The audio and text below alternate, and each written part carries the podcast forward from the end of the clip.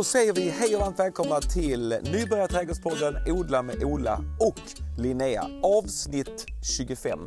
Ett mycket speciellt avsnitt för mig eh, Linnea. Inte bara för att nummer 25 får en att tänka på min, min ungdomsidol eh, Stefan Elvenäs, gammal Rögle-spelare. Utan också, utan också för vi ska prata svamp. Ja. Och det är ju gött. Jag och Nick var ju på sån här eh, svampläger i eh, Perstorp och eh, odlade eh, svamp en gång. Supermysigt. Ja.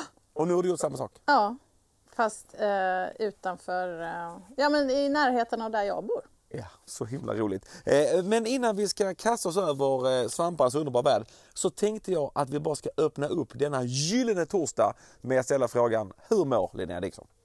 Jo men jag mår bra. Det är, alltså det, man blir ju tokig och allt härligt som eh, tittar upp i rabatterna och sådär. Det, det är nästan too much. Är vi i det självspelande pianots eh, månad nu? Ja.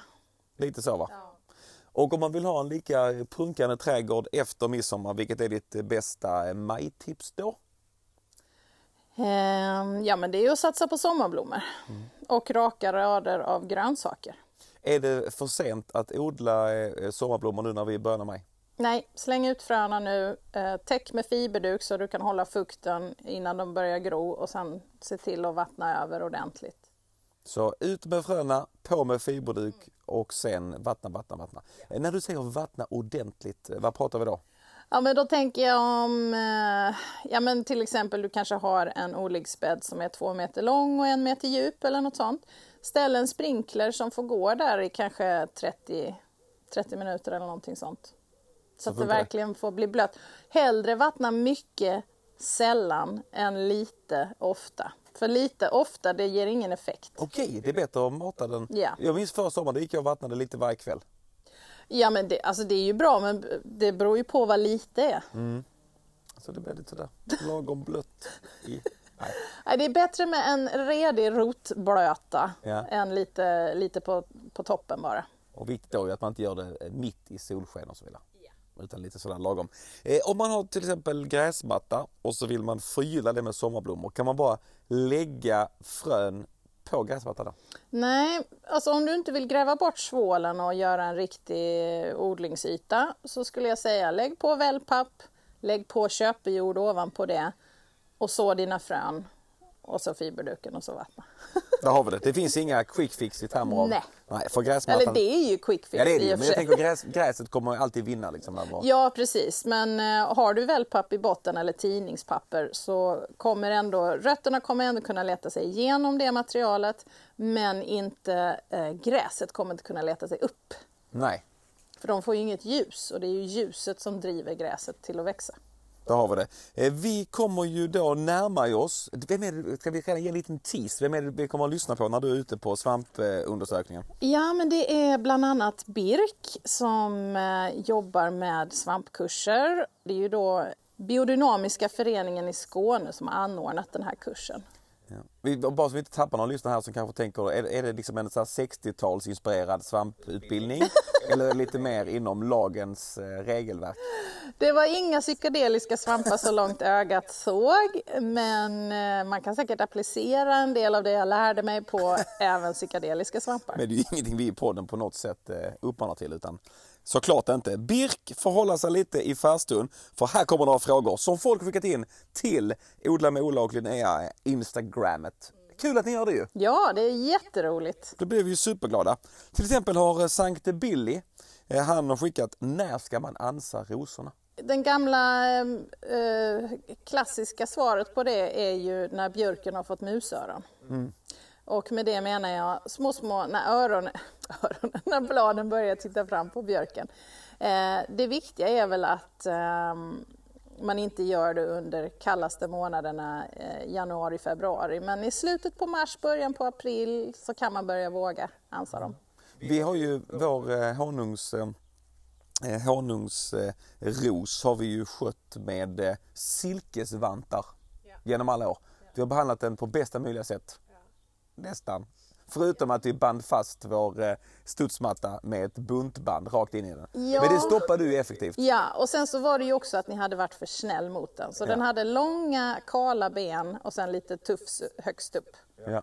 Men den, den gav du ju en riktig... Jag tyckte ju vi hade varit taskiga då som hade kört buntband rakt i honungsrosen. Men du var ju än värre. Ja, jag var lite nervös att, den, att jag kanske hade dödat den, men det är svårt att döda rosor. Nu när vi ser, om du liksom tittar över blomsterkullen här i vår trädgård så kan du ju nästan liksom skönja eh, den här eh, honungsrosen. Och för mitt eh, lekmanögon så ser den ut att klara sig synnerligen väl. Vad säger du? Ja, den, har, den är ju föryngrad från grunden, den har fina fräscha skott långt ner, så den kommer bli en fylld och vacker buske till sommaren. Så är den så pass fylld så man kan eh, binda fast studsmattan i den igen? Gör aldrig det igen. Eh, så alltså, eh, när björken får musöron då man rosorna. Om man vill flytta i ett eh, rosenbuskage i detta nu, är det too late eller funkar det? Rosor trivs ju bäst att flyttas på hösten. Ehm, Jag skulle avråda från att flytta ett buskage nu. Ja. Låt busken vara. Eh, Sen har vi en fråga till på temat eh, ros, eh, honungsrosor. Hej! Eh, En fråga till podden kommer lite sent men också en fråga oavsett om du har tid till imorgon. Vi måste ha svar på detta. Honungsrisor, rosor. Ska man tänka på någon uppbyggnadsbeskärning för att få en frodig planta eller bara klippa in torkade grenar Linnea? Ja, det har vi ju svarat lite på där, Ja. att man kan ju ge den en, en, en rejäl Eh, beskärning genom att klippa den rätt så hårt, eh, långt ner på stammen. Det viktiga med alla rosor det är ju att man har de här ögonen, de röda små sko- ehm, kno- eh, liksom skotten som är knoppar och det är där bladen kommer ut. Så man måste ha tre till fem sådana ögon för att, det ska, för att man inte ska mm, liksom försvaga rosen allt för mycket. Eh, så, så länge man tänker på det så kan man vara rätt hård mot den. Så om man har en honungsros som kanske har tagit över en hel eh, ja, den kanske växer över någon fin prydnadsträd eller buske och man bara känner att nej, nu, måste, nu är den för aggressiv. De blir ju lätt det. Eh, då, då kan man faktiskt kutta den längs med marken. Men om man bara vill snygga till den lite, då kan man ju ta in, då ska man ju framförallt tänka på inom all beskärning så är det ju döda grenar tar man bort först. Grenar som skaver mot varandra tar man bort eftersom de, den här skavskadan kan ju komma in olika bakterier och svampsjukdomar och sånt i.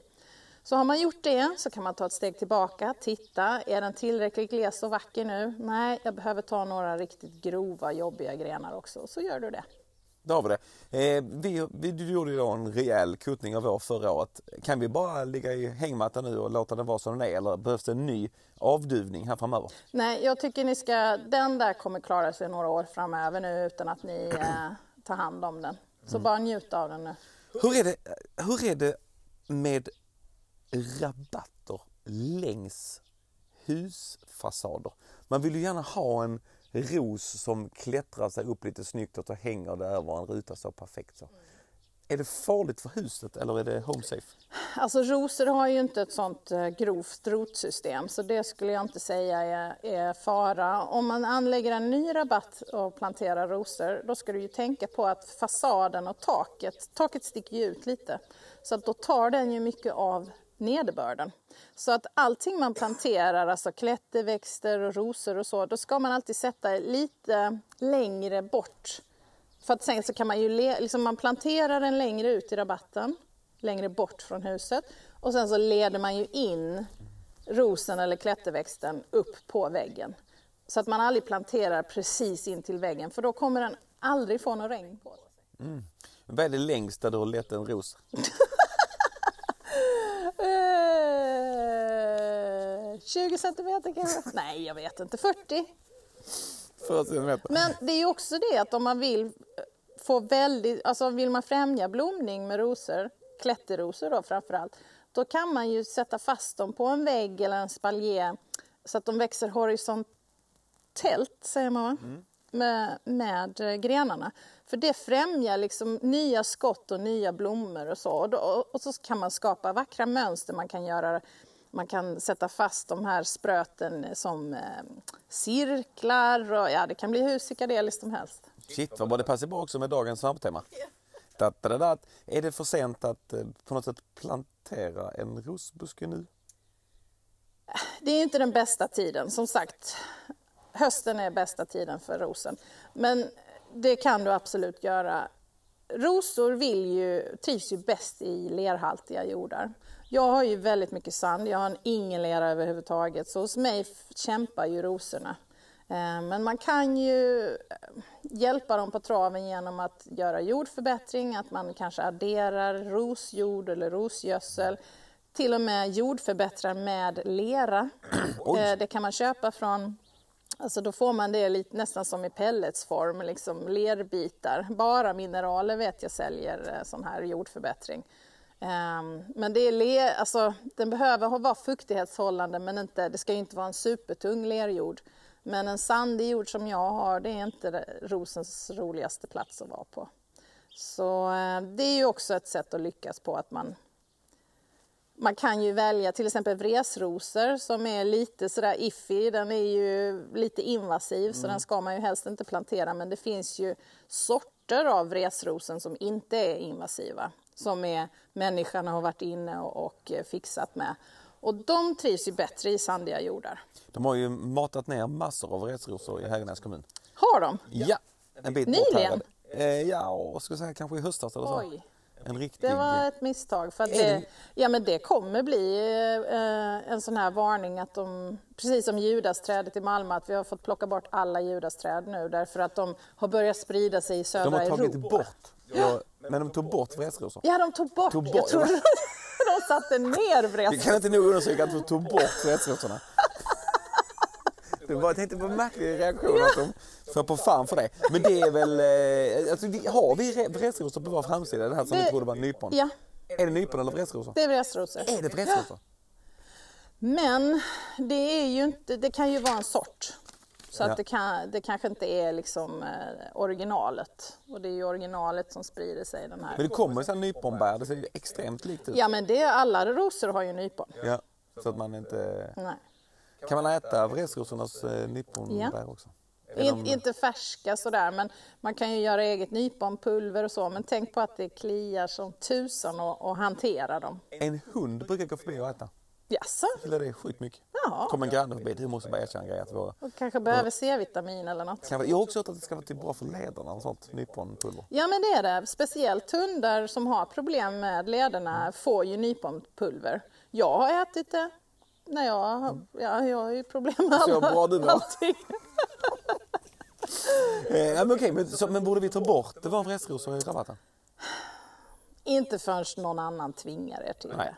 För jag Det- menar, ni har ju kontroll över dem. Och, ehm, jag har ju också vresrosor själv och än så länge så har de inte spridit sig till närliggande. Finns det någon som helst chans att det kan vara något annat än vresrosor vi har?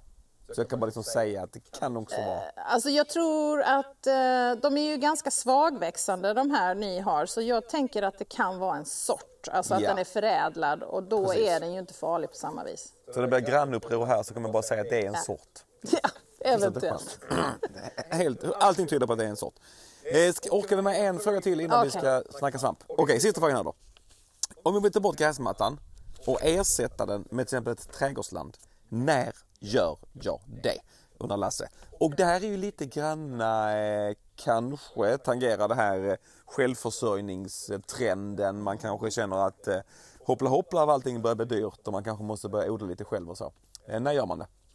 Alltså du kan egentligen göra det när som helst. Ehm, Om du vill göra det enkelt för dig så ehm, lägger du ut en presenning och väntar två år. Så slipper du gräva. Då har, liksom, all, då har all gräsrot, alla ogräs och sånt dött under den eh, markduken eller presenningen.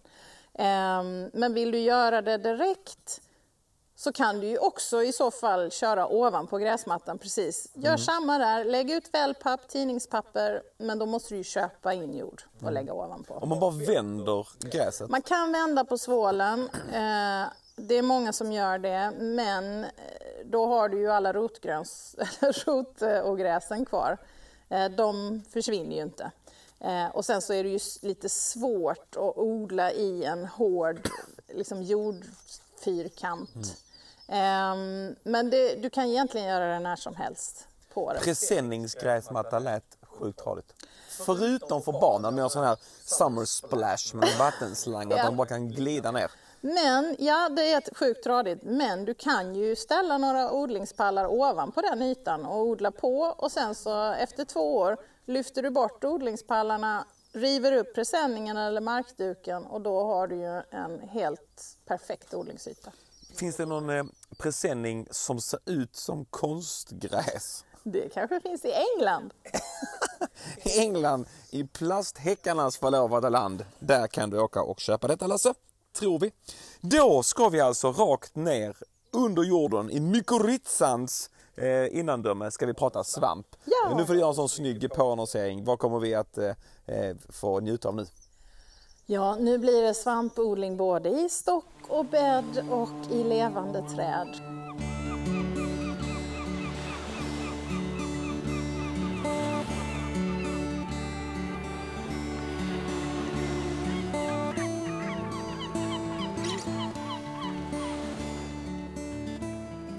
Är de bästa trädslagen för eh, om man vill odla svamp? Det beror lite på vilken svamp man vill odla. Eh, svamparna passar ju till olika träd. Eh, generellt är ju lövträd och ädellövträd bra. Också lite beroende på hur snabbt man vill få fram svampen och hur länge den ska vara. Om man tar till exempel ek så tar det lite längre tid för svampen att växa igenom där. Men sen kan man ju få skörd i 7-8 år. Oh, wow. Medan till exempel björk som är lite mindre kompakt eh, kan ju kanske komma svamp eh, redan efter ett halvår men, det kanske varar något år mindre. Eh, Men angående vilken svamp då som passar till vilket träd så ek är ju en bra svamp som passar till mycket. Och sen har man ju vissa speciella träslag som passar med speciella svampar som till exempel asp. Då finns det en svamp som heter aspskivling. Är ganska naturligt. Jo men eh, alltså de här, eh, de här aspskivling, almskivling, ostronskivling, de, de är ganska lika, liknande varandra. Det är lite olika färg. Men det är ungefär samma eh, så här liksom form och storlekar och så här. Det är bara olika färger i princip. Ja. Ostronskivling är väl som man kan hitta i matbutiker? Exakt. Den kallas också ibland för ostronmusling. Ja. Ja. Eh, Men sen, eh, idag har vi ju till exempel tagit shiitake till eken. Och eh, det finns ju många olika svampar. Man kan ha igelkotttacksvamp till exempel som heter lion mane på engelska och är ganska, känd.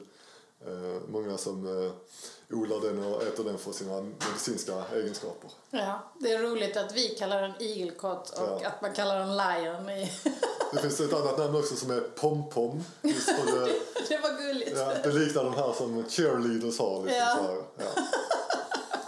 Men varför tycker du man ska odla sin egna svamp? Det finns eh, så otroligt eh, många anledningar. Men eh, några är ju till exempel att det är självhushållning. Slipper så här, importera svamp från, från andra länder kanske. Det är också liksom närodlat och ekologiskt. Eh, Man kan ju ha eh, ett träd som har blåst ner eller att man måste ta ner ett träd på något sätt. Och det är ju tråkigt om man inte använder eh, det till något bra sätt. Och det är ju perfekt att odla, odla svamp i om, om man har ett lämpligt träd. Liksom.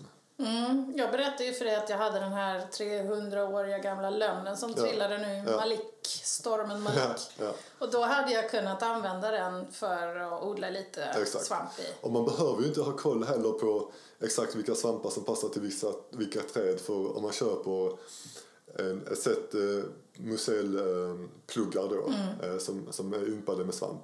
Då, då kan man få liksom en beskrivning med. Och då står det vilka pluggar som passar till eh, vilket svamp. Eller vilket träd.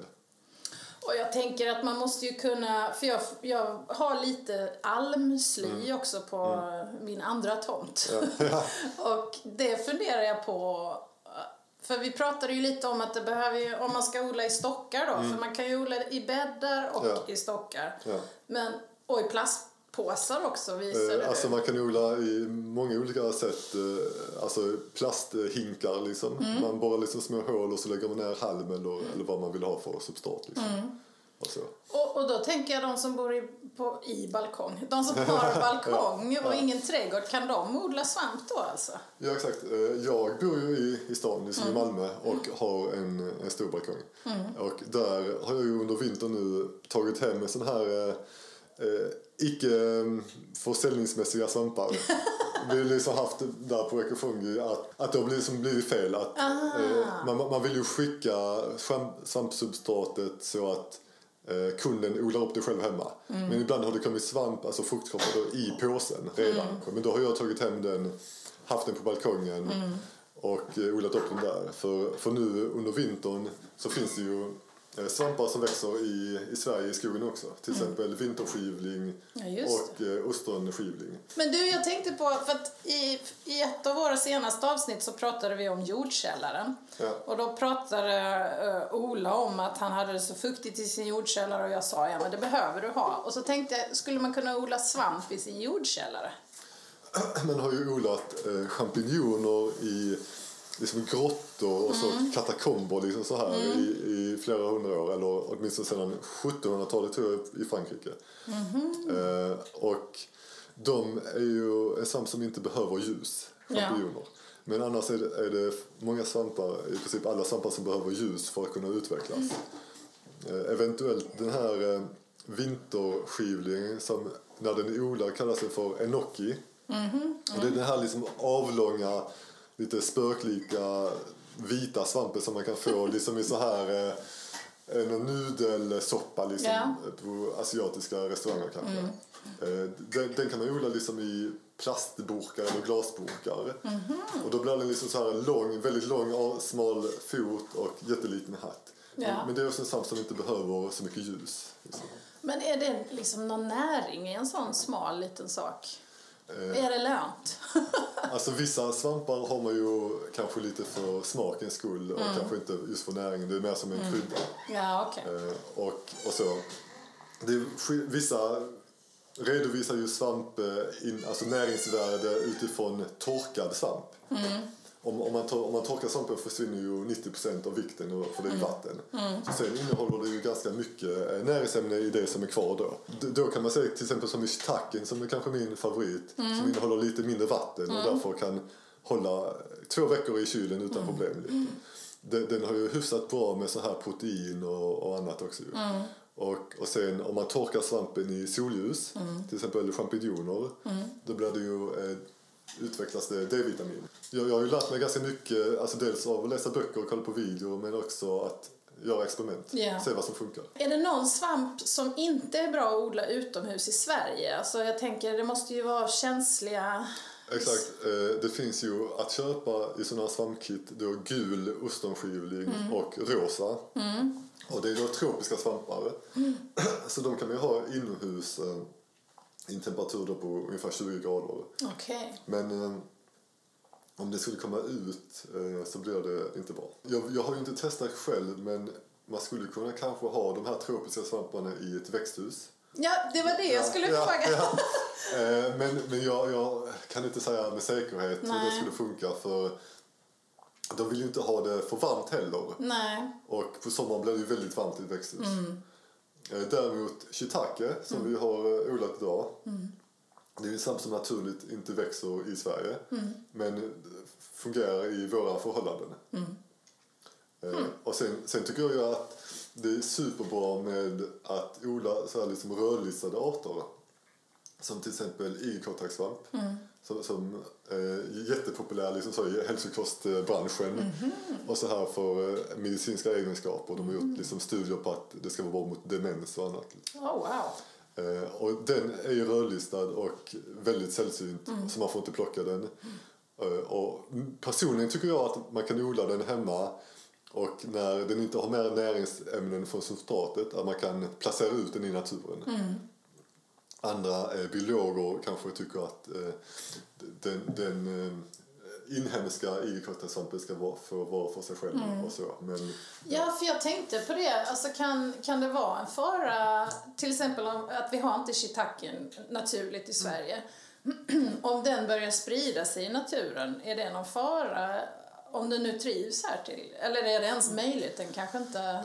Alltså, Jag tror inte det är något större problem för vissa svampar är, inte alls så här liksom aggressiva eh, som, som vissa andra. Eh, Alltså jag ska ju då gå igång med min lilla svampodling hemma, Ja. tänkte jag. Och jag håller på att bygga upp en liten biotop med olika Ja. stubbar och stockar och Ja. kanske lite... Vad tycker du, tycker du att jag ska ha... För att nu har jag täckt ytan. Det var en gammal odlingsbädd Ja. som har bara sållats över av eh, smultron. Så jag täckte med en markduk, alltså mypex, som, så att vattnet går igenom men ogräset kommer inte upp. Ska jag ta bort den eller ska jag ha kvar den och lägga liksom kanske lite täckbark och sånt ovanpå? Vad tror du blir bäst för... För jag tänker ju odla i stockar, så Ja. det kanske inte spelar någon roll vad mark... Nej, alltså det finns ju olika metoder. Man kan ju gräva ner eh, en del av stocken så Mm. den står upp. Och, och då är det ju viktigt att den får så fukt eh, från Ja. Mm. marken så det inte är markduk exakt under. Men det beror lite på alltså, hur mycket, hur mycket så här mark, eller hur mycket substrat då du har ovanpå markduken. Mm. spelar. För jag tänkte ju odla i en pallkrage nu Mm. till våren. Och eh, det, det är liksom två pallkragar eh, höjd. Mm. Eh, så- då kan man ha en duk under och det är ändå tillräckligt mycket eh, substrat eh, så svampen kan livnära sig på. Liksom. Och då häller du bara i halm och sågspån och lite sånt i de pallkragarna och sen kan du... Ja, alltså jag, jag, jag tänker ju experimentera lite Ja, grann. Så jag har, kommer ha två pallkragar och i den ena jag tänkte odla jättekarlskivling och i den andra almskivling. Och eh, jag tänkte odla dem tillsammans med grönsaker. Ah, För, att, för det är ju sådana svampar som kan eh, ha utbyte med växterna. Mm. Så jag tänkte odla något som heter tre systrar. Ja, det har vi pratat Ja. om i programmet Ja. tidigare, eller i podden. För, för då får svamparna lite skugga. Mm. Den här jättekarlskivling gillar ju sol men, men det, kan inte, eh, det får inte vara för mycket sol heller. Nej. Och, och då tänkte jag ha... Alltså grejen är, jag bor ju i stan. Mm. Jag har inte tillgång till så här grannar som har så här träflis eh, och, och halm och så här. Nej.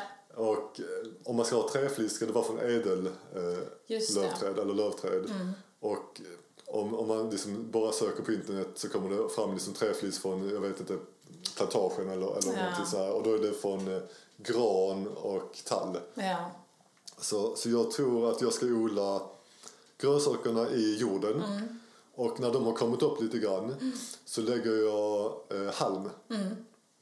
Och då är det viktigt att det är halm som är ekologisk. Mm. Det får inte liksom ha behandlats med eh, för, vad heter det, förkort, såna stråförkortningsmedel eller så här anti, antimögel. Mm. Eh, ja, just det. För så- mögel är ju ja, en svamp. ja. Så, så då kommer jag lägga liksom ett lager halm Mm. och sen kommer jag ta eh, sån här odlingskit med svamp då, och, och sprida ut liksom, eh, mycelium och finfördelar liksom över hela. Mm. Och sen lägger jag kanske lite, lite mer halm ovanpå. Så det ändå blir lite så lasagne-metod. Och, eh, och så vattnar jag det.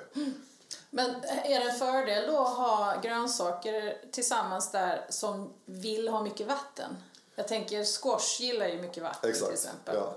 Ja. Ehm, Eh, nej, men, eh, det som jag mest har tänkt på är just att det ska vara lite längd och lite eh, så här omkrets på grönsakerna. Så eh, squashen eh, skyddar lite med bladen eh, och majsen är lite hög och så här så det skuggar. Eh, så det är det som jag mest har tänkt på. Och alltså, om man bara går in på Youtube så finns det hur många videos som helst. Eh, man behöver inte så här gå igenom svampböcker med, med massa annan fakta om man inte vill det. Utan specifik eh, sök på liksom så här eh, odlingsbädd och eh, svamp och så kommer det vara på engelska säkert. Men ja. ja, det här, det här känns ju nästan som att vi behöver återkomma till och se hur det går. ja men absolut, vi får ju se till hösten. Jag, jag hoppas att det kommer där för den här almskivling och eh, jättekarlskivling har jag kommit fram till eh, fungerar bäst på, med den här odlingen. Då. Så det, därför jag tar en av varje och eh, får se vad det blir för resultat. Men du, tack så jättemycket för att du tog dig tid att svara på de här frågorna. Tack och, själv. eh, ja, nu ska vi ut och ta del två i kursen. Det här. ska vi göra. Det ska bli jättespännande. Tack. Hej.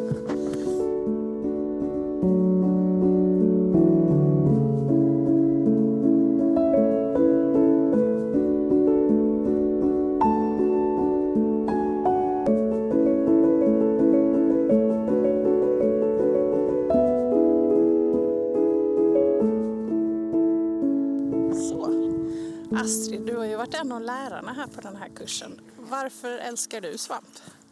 Det är ju både gott, extremt viktigt för ett ekosystem och så är de vackra också. Jag tycker de är så fascinerande organismer. Jag håller med dig. Vad har du för bakgrund?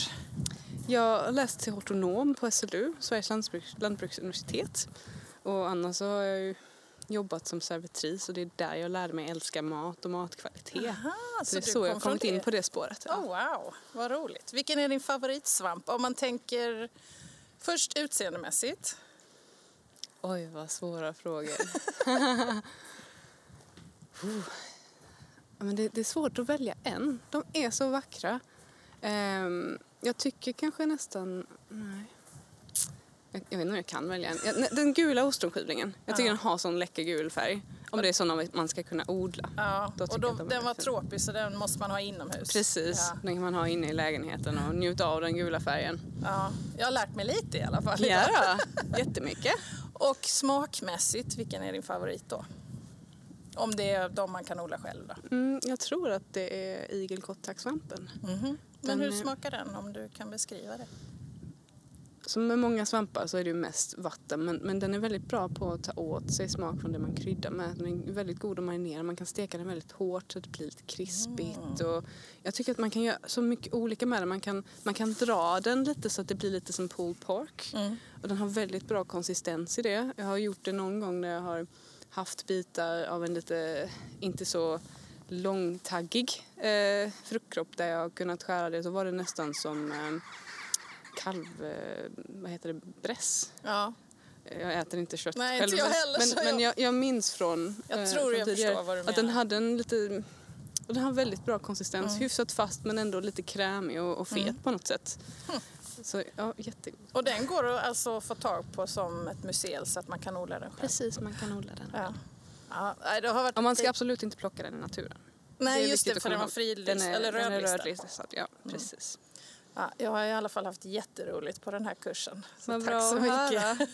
Ja, vad kul att du kom. Ja, det, jag är väldigt glad för det själv.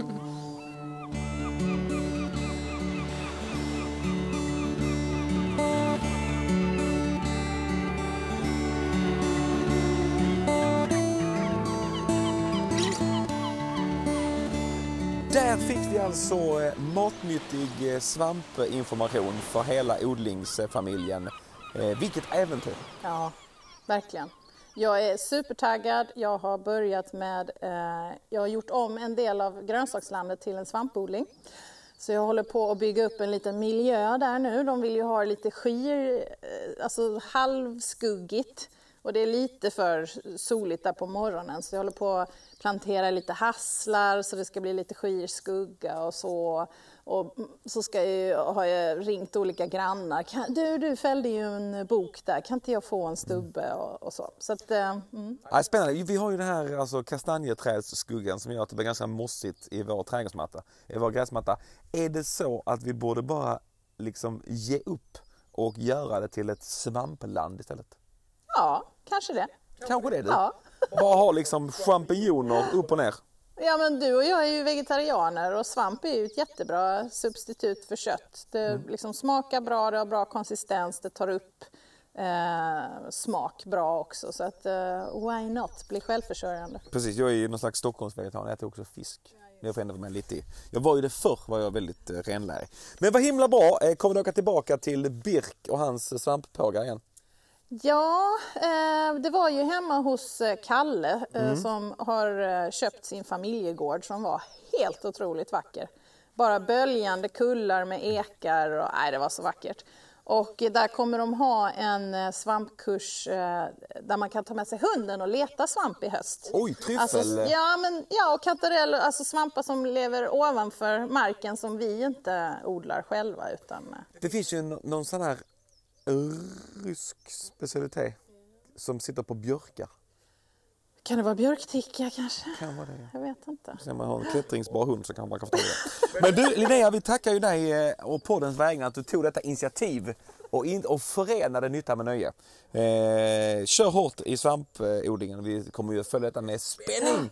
Det är alltid roligt att lära sig nytt. Verkligen. Vi vill också passa på att eh, skicka ett stort tack till Sebastian Lilja, Akahash Forever, för vignetten och till demonproducenten eh, från, han är inte från där, men han bor i den kungliga huvudstaden, eh, Fredrik Sander som både redigerar och ger oss eh, härliga eh, tillrop i termer av producentskap. Eh, tack för att du lyssnar.